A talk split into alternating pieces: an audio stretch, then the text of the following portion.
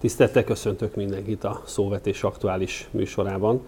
A mai vendégem Nagybajer Katalin, aki a Magyar Nemzeti Kereskedelmi Szövetségnek a főtitkára. Katalin, köszönöm szépen, hogy elfogadtad a meghívást. Elsőként arra kérlek tisztette, hogy mutasd be egy kicsit az MNK ezt a hallgatóknak, nézőknek. Én is köszönöm szépen a lehetőséget, elnök úr, és köszönöm, hogy itt lehetek, és kicsit bemutatkozhatunk, és az aktuális témákról beszélgethetünk. A Magyar Nemzeti Kereskedelmi Szövetség egy fiatal szövetség itt, a, itt az érdekképviselet területén 2014-ben alakult. Jó magam 2016 óta látom el ezt a főtitkári feladatot, és az volt a cél és a feladat, hogy egy olyan érdekvédelmi szervezet jöjjön létre, ami még nem volt, a palettán. Kizárólag magyar tulajdonú kereskedelmi vállalkozások és vállalatok a MNKS tagjai.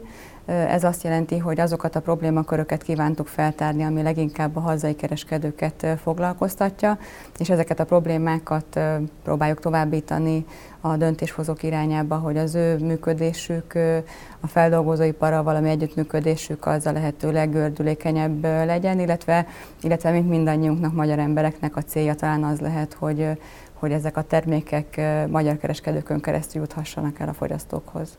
De egyébként ez volt az igazi motiváló tényező? Tehát ez adta az alapötletet, hogy itt kizárólag magyar tulajdonú kereskedelmi cégek érdekképviseletét tűzétek az ászlóra? Tehát itt, itt érzékelhető egyébként egy érdekkülönbség a hazai és a multinacionális cégek között? Ha igen, akkor ezt egy kicsit bontsuk ki, hogy, hogy érthető legyen mindenki számára, hogy mi, hol kell keresni itt a, a választóvonalat? Mindenképp érzékelhető egy, ha egy markáns különbség a multinacionális kereskedők és a hazai kereskedők között. Az alapoktól kezdve mondjuk egy 25 évre visszatekintve, amikor ugye bejöttek a külföldi kereskedők, akkor a magyar kereskedők éppen túl voltak egy állami időszakon, és a rendszerváltás után ugye magán lehetőségek is nyíltak számukra.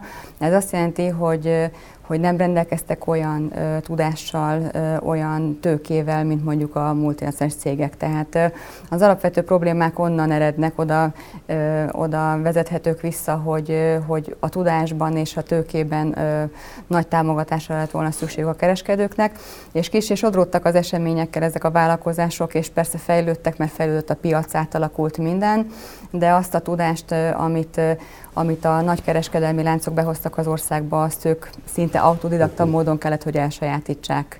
Ahol most ez a szint áll, az egy, az egy az egy nem túl egyszerű helyzet, de úgy gondolom, hogy sokkal könnyebb ma már, ma már együttműködni a, a kereskedelmi érdekében, mint korábban. És egyébként a szövetség az, az oktatásban, képzésben így exponálja magát? Tehát, hogy igyekszik a tagjai, vagy akár a tagságon kívüli kereskedői kör részére ilyen típusú tudásátadást megvalósítani? Vannak különböző anyagaink, amiket elkészítettünk a közelmúltban, ez főleg a kistelepülések vonatkozásában készült, mert ott kifejezetten érezhető ez a tudásbéli hiány. Azt látjuk, hogy nagyon sok olyan probléma van ezekben a egy-két-három személyes üzletekben, a kistelepüléseken, ahol gyakorlatilag egy, egy nagyon könnyűszerrel megoldható lenne ez a probléma. Én jó magam közgazdász tanárként is szívesen foglalkozom a kereskedelmi szakképzéssel. Visszahoztam 27 év után az elásott eladástalan tantárgyat, mert úgy gondolták talán korábban, hogy erre még sincs szükség. Lenne mit tenni ezen a területen, de úgy gondolom, hogy jó úton haladunk, és, és minden erővel azon vagyunk, hogy ez a magyar kereskedelem, meg maga, maga a személyes eladás és annak a varázsa megmaradhasson még hosszú távon.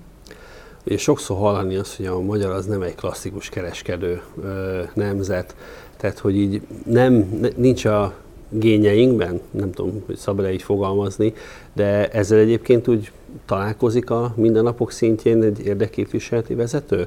Vagy ez inkább csak egy olyan sztereotípia, ami, ami, ami csak egy önmagát beteljesítő jóslatként negatíva hat a magyar néplélekre? Remélem csak ez az utóbbi, mert mondjuk a Kalmár nevű szó és kifejezés az teljesen magyar, és az ugye a kereskedőknek az ősét jelentette, tehát bennünk magyarokban ugyanúgy, megvan az az ősi vér, ami akár az árucsere alapjából indul, tehát ez, hogy már hova fejlődött, sőt, az első világháború után a magyar kereskedelem olyan szinten járt élen, hogy Európába a legkiválóbb kereskedők Magyarországon tudtak már üzleteket nyitni. Igaz, Franciaországban és Amerikában is tanulták ezt a szakmát, de úgy gondolom, hogy, hogy a világ attól szép, hogy, hogy a tudást az bárhonnan beszerezhetjük, és bárhol eszközölhetünk újabb ismereteket, vagy szerezhetünk újabb ismereteket, de a kereskedelembet igenis tanulni kell, fejleszteni kell, és ehhez elhivatott emberek kellenek. Tehát akkor ez inkább azoknak a motója lehet, akik nem tudtak elég sikeresek lenni, nem voltak elég kitartók, és akkor ráfogták, hogy ebben mi nem vagyunk olyan jók. Ez nekem egy sokkal szimpatikusabb, mint hogyha azt hallaná az ember, hogy hát igen, ebben nem vagyunk élenjárók, de jó hallani ezeket a pozitív példákat, hogy igenis a magyar az képes jól kereskedni, csak hát erre készülni kell erre oda kell figyelni, és hát a, azt az ismeretanyagot, ami a világban rendelkezésre áll, azt el kell sajátítani, és hát érdemes talán ezektől a multinacionális cégektől is sok mindent ellesni, ha jól sejtem, azért van mit. Így van, és tanulni, tanulni nagyon fontos minden pillanatban, és nyitott szemmel kell járni. És az a szép ebben a Kereskedelmi Szövetségben, hogy, hogy amellett, hogy látjuk azokat a problémákat, amelyek mondjuk a mondjuk az idősebb kereskedők által képviselt problémákat problémákat ölelik fel, tehát nem kevésbé motiváltak már, nem annyira tekintenek előre, a következő generációk a családból már nem ezt a szakmát kívánják folytatni, azonban az új tagok között mindig látunk olyanokat, hálózatokat, kereskedelmi, kereskedelmi elkötelezetteket, akik, akikben igenis benne van a magyar kereskedő jövőképe, és akik ebben képzelik el a jövőjüket, és nyitottak arra, hogy folyamatosan fejlődjenek. Ezt jó hallani, és egyébként ennek a, ennek a trendnek a, a, a, vonalára, az alakulására hogy hatott egyébként a koronavírussal kapcsolatos mizéria? Tehát hogy ütötte ez meg a magyar kereskedelmi szektort? Mit érzékeltek ebből? Ez vonzóbbá tette, vagy inkább egy kicsit óvatosabbá tette a következő generációt, vagy akár az új bellépőket? Nagyon érdekes ez az elmúlt, most már talán fél év, mert ha jól emlékszem, akkor március 11-én lett az első veszélyhelyzet kihirdetve, és tényleg ilyen napi kapcsolat van a tagjainkkal.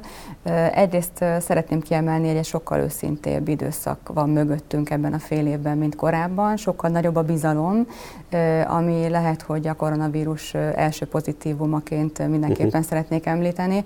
Azért is, mert olyan új dolgokkal találkoztunk nap, mint nap, amivel együtt küzdöttünk meg, és aminek a, a feldolgozását együtt kellett elvégeznünk, de, de úgy gondolom, hogy a koronavírus járvány nagyon sok lehetőséget adott és ad a magyar kereskedelemnek. Ugye pont azért, mert kerültem mindenki, főleg a tavaszi időszakban a nagyobb bevásárlóközpontokat, inkább hatékonyabban vásároltak az emberek a lehető legközelebbi ponton, és mindegy volt az, hogy most abban a kisboltban éppen milyen a berendezés, amit ugye sokszor emlegetünk, hogy azért nem az a, nem az a közeg fogadja a vevőt, mint amihez hozzá szeretne szokni, de ezeket a lehetőségeket ki kellene tudni használni. És ezt azért mondom így, már így november 23-án, mert, mert bizony azt láttuk, hogy nyáron ez egy kissé leült ez a történet. Tehát amíg én próbáltam lelkesíteni a vidéki hálózatokat, kisebb kereskedőket arra, hogy bizony egy olyan új vevőkörrel tudtak találkozni a kis települések, akik korábban már elszivárogtak a, a, a falvakból, máshol ö, vásároltak be a család számára, és ők újra megjelentek a boltokban, uh-huh. és őket ö, nagyon szépen meg lehetett volna, és meg is lehetne még mindig fogni, mert ugyanott tartunk szinte, mint tavasszal. Ö, a félelem talán még nagyobb, mert sokkal nagyobb az esetszám nap, mint nap, ö, de, de ehhez is úgy gondolom, hogy tudás és nyitottság és, és fejlődő, fejlődőképes gondolkodásra van szükség.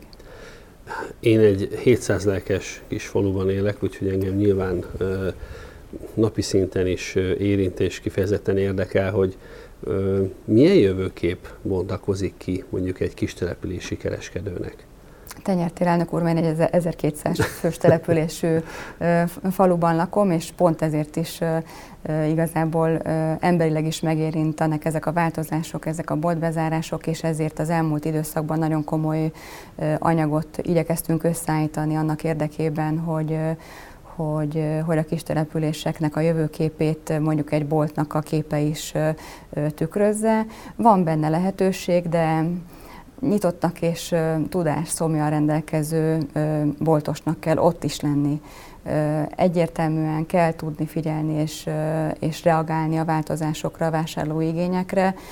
Kevésbé látom azt én is a kis településeken, általában, hogy ez meg lenne, de úgy gondolom, hogy, hogy itt is jönni fog az az új generáció, az az új nyitott vállalkozói kör, aki adott esetben át fogja majd venni ezeknek az üzleteknek az üzemeltetését.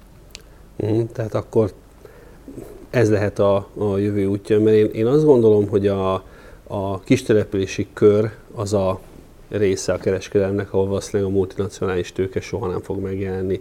Én azzal számolok, hogy itt vagy megtart, meg tudjuk tartani a hazai érdekeltségű kereskedelmi egységeket, vagy valószínűleg ezek a kis települések, ezek bevásárló lehetőség nélkül maradnak. Igen, és ez egy nagyon súlyos problémakör. Ezt több szaktárcával is tárgyaljuk ezt a, ezt a kérdést, illetve igyekeztünk ezt az anyagot eljuttatni, amelyben arra hívjuk fel a figyelmet, hogy a jelenlegi árbevétel nem valószínűleg elegendő ahhoz ezeken a kis településeken, hogy itt itt nagyon ö, nagy ö, beruházásokat lenne, érdemes eszközölni. Azonban a tevékenységkör bővítésével ö, csomó olyan lehetőség ö, nyílna, ami még vonzóbbá tenné ezeket az egységeket. Ö, néhány gondolat, amit ezekben az anyagokban mi feltüntettünk, hogy ugye egyre erősebb az online ö, kereskedelem. A faluba mindenki látja, hogy többször fordul meg a többféle futárszolgálat, most nem akarok senkit nevesíteni, és innen jött ez a gondolat, hogy miért ne lehetne mondjuk egy helyi kisbolt, mondjuk egy generál pikpak pont. Uh-huh. Amikor ugye éppen amikor nem online és nem home office-ban dolgozik az ember, hanem bejár a munkahelyére, akkor nyugodtan letenni a futárszolgálat a boltban azt a csomagot, és amikor az ember hazamegy, akkor átvenni, és akkor még mondjuk plusz megvenni a boltban azt, ami amúgy különben neki szükséges lenne. Tehát egy csomó ilyen gondolatot pakoltunk össze, hogy a tevékenységkörökbe így nem csak a generál pikpak pont, hanem az, hogy miért ne lehetne sárga csekket feladni mondjuk ezekben a boltokban. Tehát ezek már olyan digitális világban egy gombnyomásra működő lehetőségek, amelyeket tényleg csak át kéne gondolni, de lehetne például gyógyszert is átadni. Nem azt mondom, hogy gyógyszertárként működjön a, a falusi bolt, hanem az, hogy amikor valakinek van egy online receptje, ugyebár minden, minden e-recept e-recept formában a felhőben érhető el, akkor miért ne készíthetné össze egy szomszédfalu patikája azt a csomagot a helyi gizinéninek, és akkor gizinéni csak átveszi az ő receptjei alapján a gyógyszert. Tehát nagyon sok ilyen gondolatot lehetne, és bízunk abban, hogy, hogy erre lesz is nyitottság a szaktárcák részéről, már csak azért is, mert hatalmas pénzt fordít a kormány a Magyar Falu program keretében. A kis települések fejlesztésére, az élhetőbb falunak a, a kialakítására, és látjuk azt, hogy a közterületek, a közintézmények és csomó minden fejlődik, de de a kisbolt még mindig ugyanolyan kisbolt, és nem várható el attól a attól a kereskedőtől, akármelyik hálózathoz is tartozik, hogy az amúgy különben nem annyira jól prosperáló boltjába ő mondjuk 10-20 millió forintokat investáljon, mert ez egy soha meg nem térülő befektetés lenne, bocsánat. Viszont azzal, hogy a Magyar Falu Program keretében és a csok keretében, vagy a csok lehetőségével nagyon sok új család került a falvakba. Ezek az új családok, hál' Istennek új kereslettel érkeztek a falvakba, viszont a régi bolt a régi kínálattal dolgozik. Tehát ezt a egyszerű marsal keresztet így össze kéne valahogy hozni ott a településeken, és én úgy gondolom, hogy ha sok gondolkodó, jó szándékú emberre tekintetben összeülne, akkor ebből hatalmas dolgokat lehetne kihozni. Én egyébként azt gondolom, hogy a magyar termékek fogyasztóhoz való eljutatásában azért egy, egy erős magyar kereskedői láb mindenképpen szükséges. Tehát azért látjuk a nemzetközi példákból, hogy akkor tud egy termelői szektor sikeres lenni, hogyha az egészen a fogyasztóig a termék fogyasztóig való eljuttatását, azt képes egyfajta azonos eszmeiség, azonos értékrend végigkövetni, és azt gondolom, hogy itt a, a hazai termelő, hazai feldolgozó, hazai kereskedő kör, ha így összezárható lenne, és akkor ennek megteremtenénk akár valamilyen dotációval is a, a rentábilis működésének a feltételeit. De azt gondolom, hogy ez így önmagát erősítő folyamattá lépne elő, hogy egyik húzná a másikat. És ebben azt gondolom, hogy van, van feladat, és és nagyon érdekelne, hogy mit gondoltok arról, hogy hogy lehetne ezt az együttműködést erősíteni, hogy lehetne a magyar termelőket, a magyar feldolgozókat közelebb vinni a magyar fogyasztókhoz, és ebben a magyar kereskedelem hogy tudna szerepet vállalni, nyilván úgy, hogy a lánc minden egyes szereplője megtalálja ebben a gazdasági számítását is.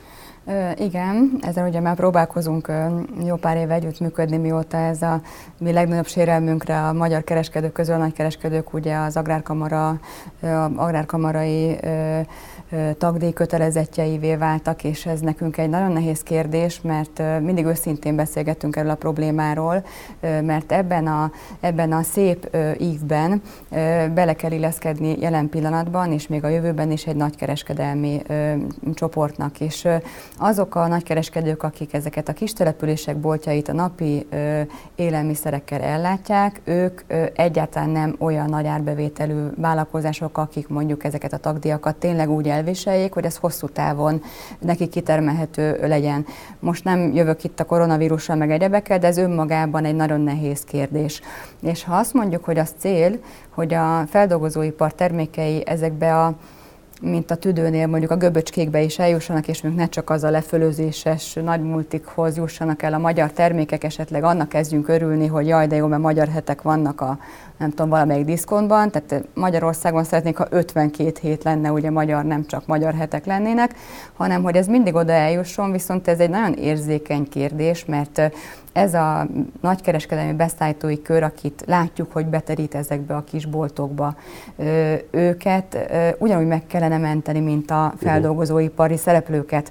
Tehát ha ők nem lesznek itt ebben a láncemben, akkor oda megint nem fog tudni eljutni olyan termék, ami amúgy különben szükséges lenne. Nagyon nehéz például az, hogy ezekben a kisboltokban nem csak az ellátása nehéz, hanem ugye az infrastruktúra is. Uh-huh. Tehát mi ebben a kis települések fejlesztési programjában nem csak azzal foglalkozunk, hogy milyen tevékenységeket lehetne fölvenni, hanem mi minden vinni előrébb ezt a történetet. Tehát amíg a lakosságban mondjuk közkedvelt program volt, amit a kormányzat tényleg hatalmas erővel támogatott, ez például a hűtőgépcsere program. Tehát, hogy Amúgy különben a 3000, nem tudom, 300 település kisboltjában 1960-ból, meg 70-ből vannak még mindig hűtőberendezések. Uh-huh. Tehát, hogyha azt mondjuk, hogy jön egy új vevőkör, jön egy új igény, jönnek az új termékek, és ott van egy, nem tudom, én nem akarok márkát mondani, egy nagyon régi monstrum, akkor egyrészt az nem energiahatékony, másrészt nem környezetbarát, és semmi, és mi nagyon sok éve... És küllemében sem biztos, hogy vonzó látvány. Abszolút, és nagyon sok éve küzdünk azért, hogy hát miért nem lehet a kereskedelmek is egy uh-huh. hűtőgépcsere program, és akkor mindjárt úgy lenne támogatva bocsánat, a magyar kereskedelem, hogy a multi is részesülhetne ebből a programból, de nyilván de neki nincs szüksége, szüksége, mert ott szép a hűtő. Igen. Tehát úgy ö, ugranánk át ezt a nehézségi fokot, hogy jaj, majd akkor Brüsszel mit szól, hogy egyszerűen egy olyan ö, programot vinnénk keresztül, ami ténylegesen energiahatékonyabbá, ténylegesen küllemében egy esztétikailag egy jobb hűtőberendezés biztosan boltnak, mert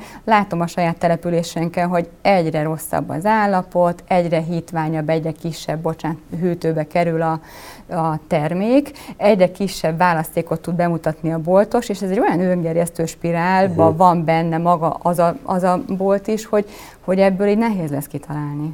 Itt, itt látom azért konkrét programok vannak. Egyébként mi az a tőkeigény, ami, amire az ágazatnak ez a, ez a szegmense igényt tartana ahhoz, hogy mondjuk tényleg lépést tudjon tartani a, a nyugati multinacionális vállalatokkal. Mondjuk, Számszerűsíthető ez? Mindenféleképpen, tehát ez jól látható, hogy mondjuk ugye nagyon sok kimutatást készült már erre, hogy hány település van 2000 uh-huh. lélekszám alatt, 3000, 5000, és akkor mindig ugye húztuk a határokat, hogy, hogy mekkora településről is kell beszélni, és hogy te is mondtad elnök úr, hogy ez az a, ez az a településkör, ahová a multi nem fog eljönni, mert mert neki pont nem éri meg. Őt pont nem érdekli, hogy Marinéni kap-e friss pixalámit, vagy bármi egyebet abban az üzletben, ez őt nem hatja meg.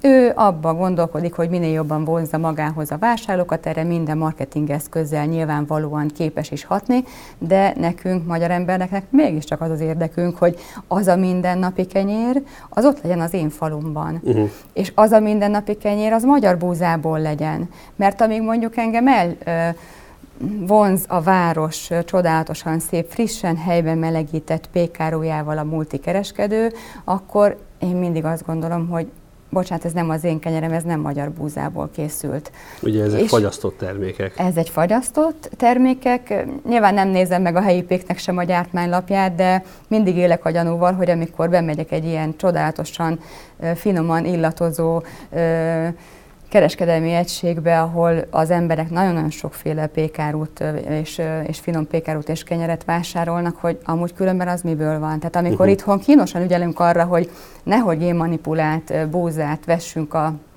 a csodálatos értékes szántóföldjeinkbe, amúgy különben milyen búzából készült az, amit meg tömegével viszünk haza és fogyasztunk el.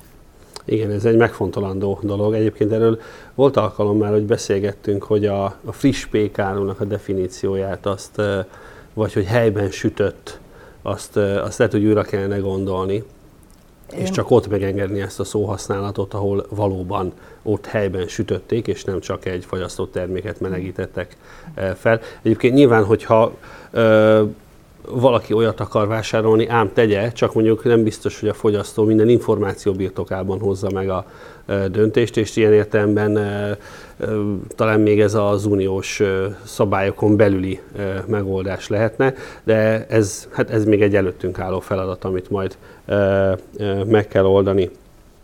A kistelepülési üzletbezárások azok egyébként milyen trendet mutatnak? Tehát mit, mit kell látni erről? Tehát, hogy az elmúlt 20 évben, 10 évben, vagy azt gondolom a rendszerváltástól érdemes indulni, mert addig akárhogy is egy mesterségesen fenntartott rendszer volt. Utána ez milyen dinamikát vett? Vagy látni ebben egyébként valamilyen trendfordulót, vagy, vagy egy folyamatos csökkenés az, ami mm. megfigyelhető? Esetleg van-e olyan, ami reményre ad okot?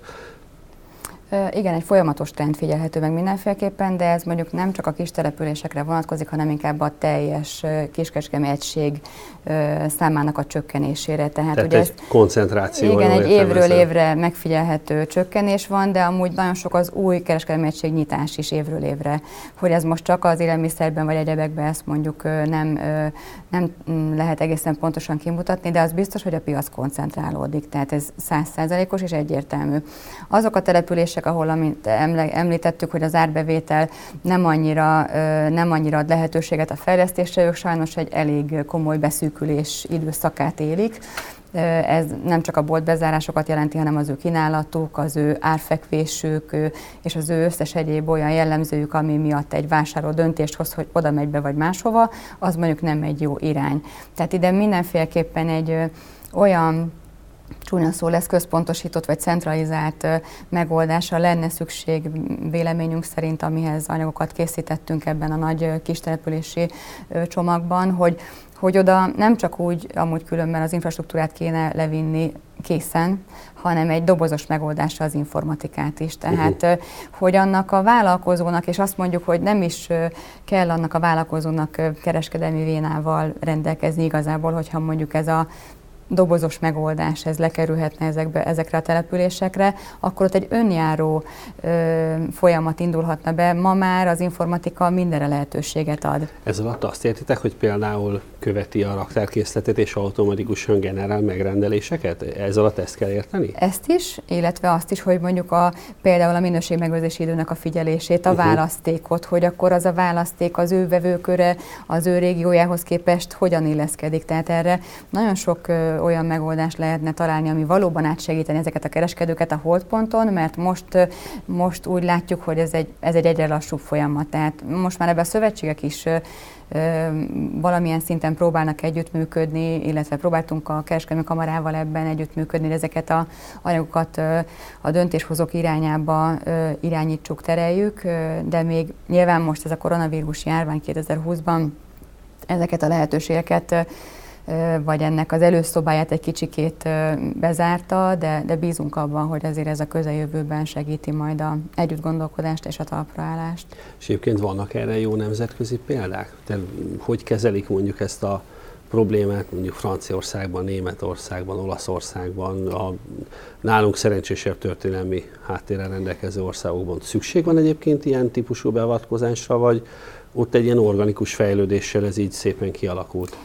Minden ország más, minden vevő más, és minden ember érzékenysége más, meg a piacé is. Uh-huh. Az, hogy mondjuk ma hol tart Franciaország, vagy hol tart Németország, ez mondjuk pont az ottani hagyományok nyomán is megfigyelhető. Az, hogy mondjuk egy amúgy multinacionális vállalat óriásokkal bíró Franciaországban már alig találni kisboltot de nem biztos, hogy azok, aki, azok az emberek ott ezt jól élik meg. De uh-huh. Olaszországban, ahol mondjuk a mindennapi kenyér, vagy az a mindennapi csodálatos felvágott arzenálnak igenis ott kell lenni, na ők, ők például ezt nem tudják elengedni nagyon sokáig. Tehát úgy gondolom, hogy ebben járhatnánk mi a saját utunkat, ebben semmi nem gátolja meg Magyarországot. Amúgy különben arról nem beszélve, csodálatos feldolgozóiparunk van, és még lehetne ennél egy sokkal virágzóbb is.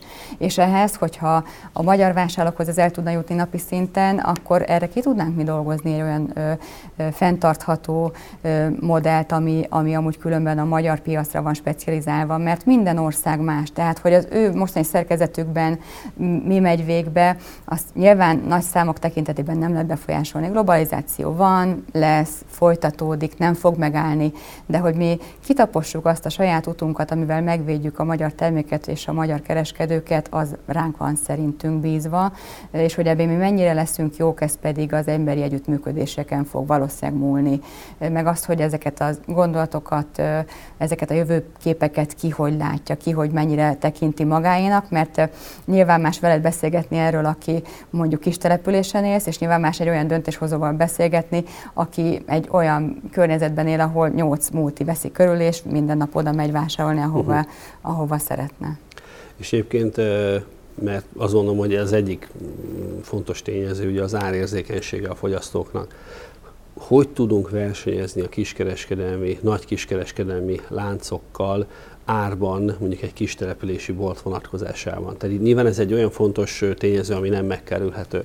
Tehát nyilván az ő logisztikai rendszerük, az informatikai hátterük, és egyébként ezzel nagyon egyetértek, amit az előbb mondta, hogy valami dobozos informatikai rendszer, az, az mint egy falatkenyér, úgy kell a magyar kereskedelmi rendszernek ebbe így, hogy a témának nem vagyok szakértője, is látatlanul merem mondani, hogy ez egy, ez egy axióma-szerű kijelentés, tehát ehhez kétség nem férhet mik azok a fontos lépések, amelyeket meg kellene tennünk, és egyáltalán tudunk-e közelebb kerülni ezekhez a ö, láncokhoz?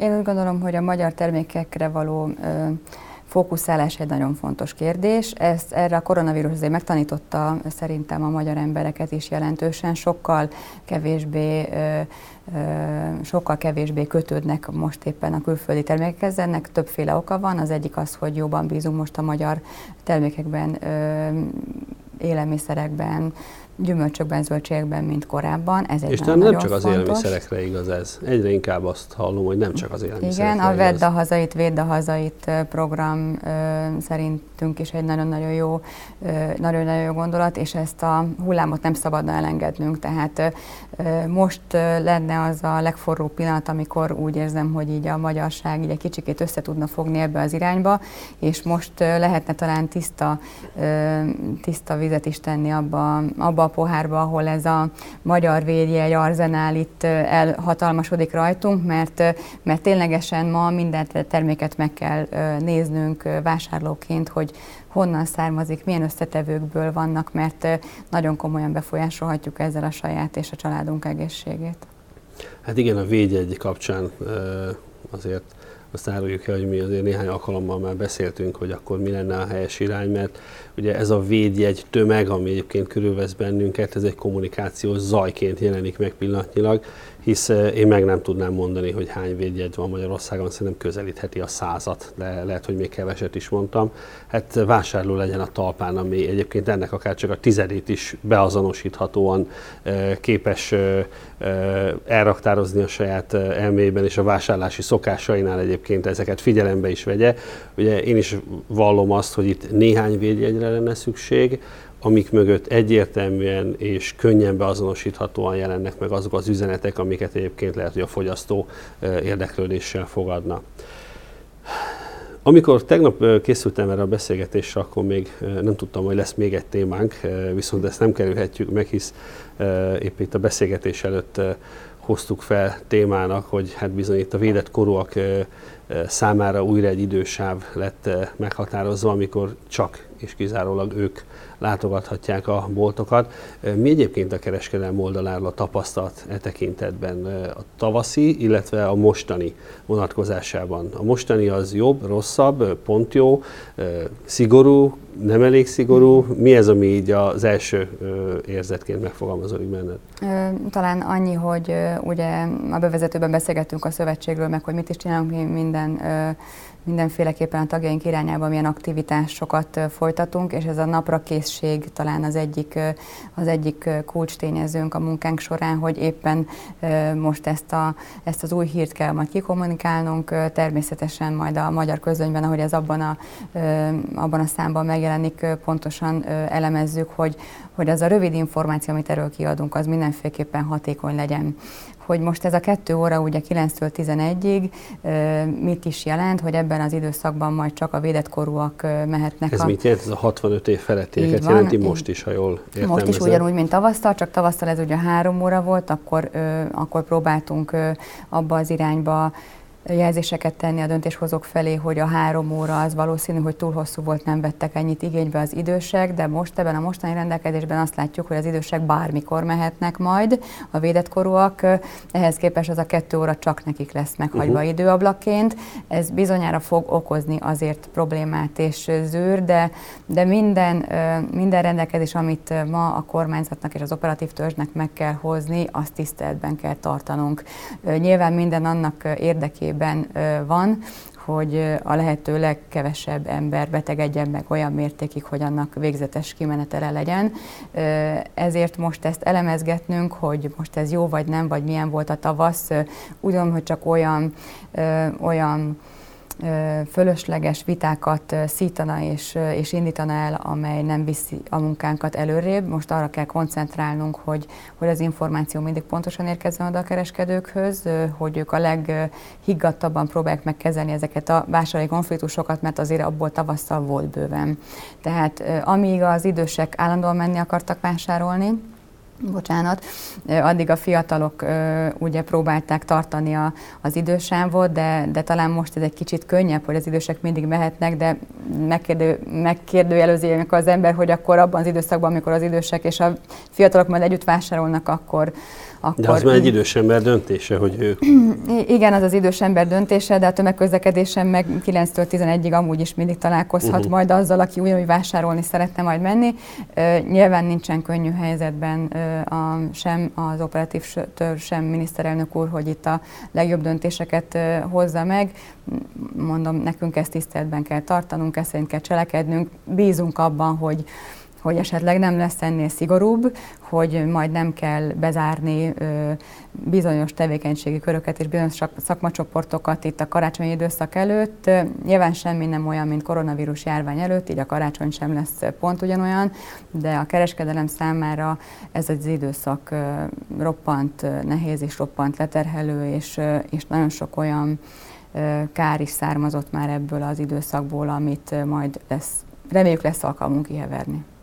Egyébként azon túl, hogy nyilvánvalóan az egészség megőrzése az első, és az egészségügyi rendszer tehetbíró képességét legkevésbé igénybevevő megoldásokat kell alkalmazni. Azért azt, azt látom, hisz több ilyen típusú konferencián is az ember nyilván online formában részt vesz, hogy azért a politikai döntéshozók számára azért igenis szempont, hogy a gazdasági eh, lehetőségeket a lehető legkevésbé szűkítse. Tehát olyan megoldásokat válaszol, ami egészségügyi oldalról elégséges, ugyanakkor eh, gazdasági oldalról nem okoz túl nagy fennakadást. Én azért ezt a szándékot ezt egyértelműen kézzelfoghatóan eh, érzékelem.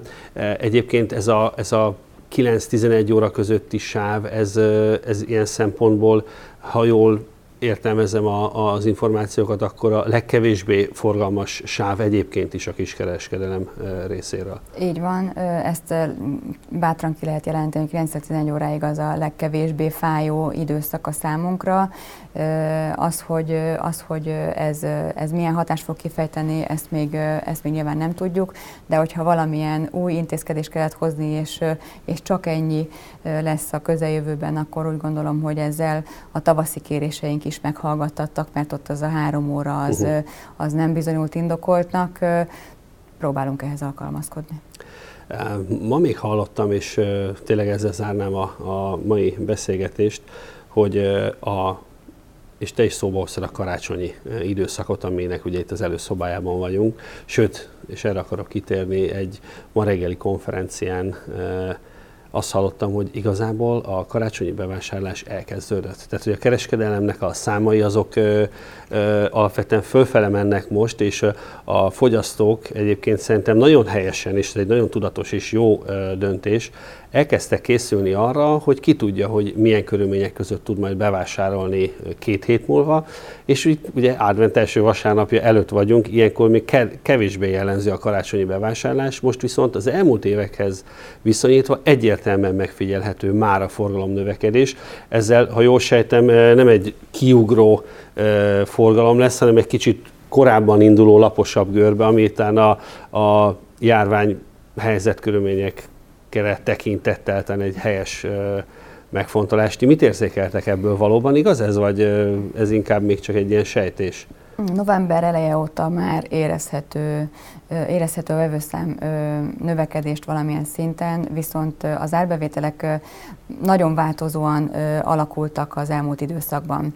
Nagyon nagy a különbség a különböző bevásárlóközpontokban, üzemelőegységek között is, városon belül is, de nagy különbség van Budapest és vidék között is. Tehát ma még ezt nem annyira lehet tudni, hogy, hogy ez mind karácsonyi előrehozott bevásárlás-e, vagy ténylegesen az előre gondolkodás, vagy esetleg valamilyen szintű utántöltése az elfogyott készleteknek, ami most tapasztalható, de akikkel konkrétan beszéltünk az elmúlt időszakban, és, és általában kifejezetten inkább azokat kérdezgettem meg, akik, akik nem élelmiszerterületen tevékenykednek, ahol az ajándék ajándékvásárlása jellemzőbb, ott azért olyan nagy forgalmi felfutások uh-huh. még nem voltak. Tehát vásárló vagy nézelődő, érdeklődő azért volt az elmúlt hetekben. Ugye vannak ezek a kimagasló promóciós időszakok is, ugye hétvégékre koncentrálva a forgalmat, ezek kiegyensúlyozzák azért ezeket az időszakokat egészen karácsonyig, de ez inkább egyelőre én úgy gondolom, hogy a beszélgetés szintjén van a családokban uh-huh. és az ismertségi körökben, hogy mindenki hozza előrébb a karácsonyt, mert azért az online mindig itt lesz. Tehát karácsonyig online bárki bármit fog tudni majd ugye vásárolni azt nem érinti korlátozás, inkább a, a néző, nézelődők számában van egy a jelentősebb erősödés az elmúlt időszakban. Na hát akkor én zárásképpen kívánok egy nagyon sikeres karácsonyi szezont, meg utána egy még sikeresebb 21-es esztendőt az ágazat számára. Katalin, köszönöm szépen, hogy itt voltál és tudtunk beszélgetni. A kedves nézőknek, hallgatóknak pedig köszönöm a figyelmet, és egy következő alkalommal egy újabb izgalmas kérdéssel fogunk jelentkezni.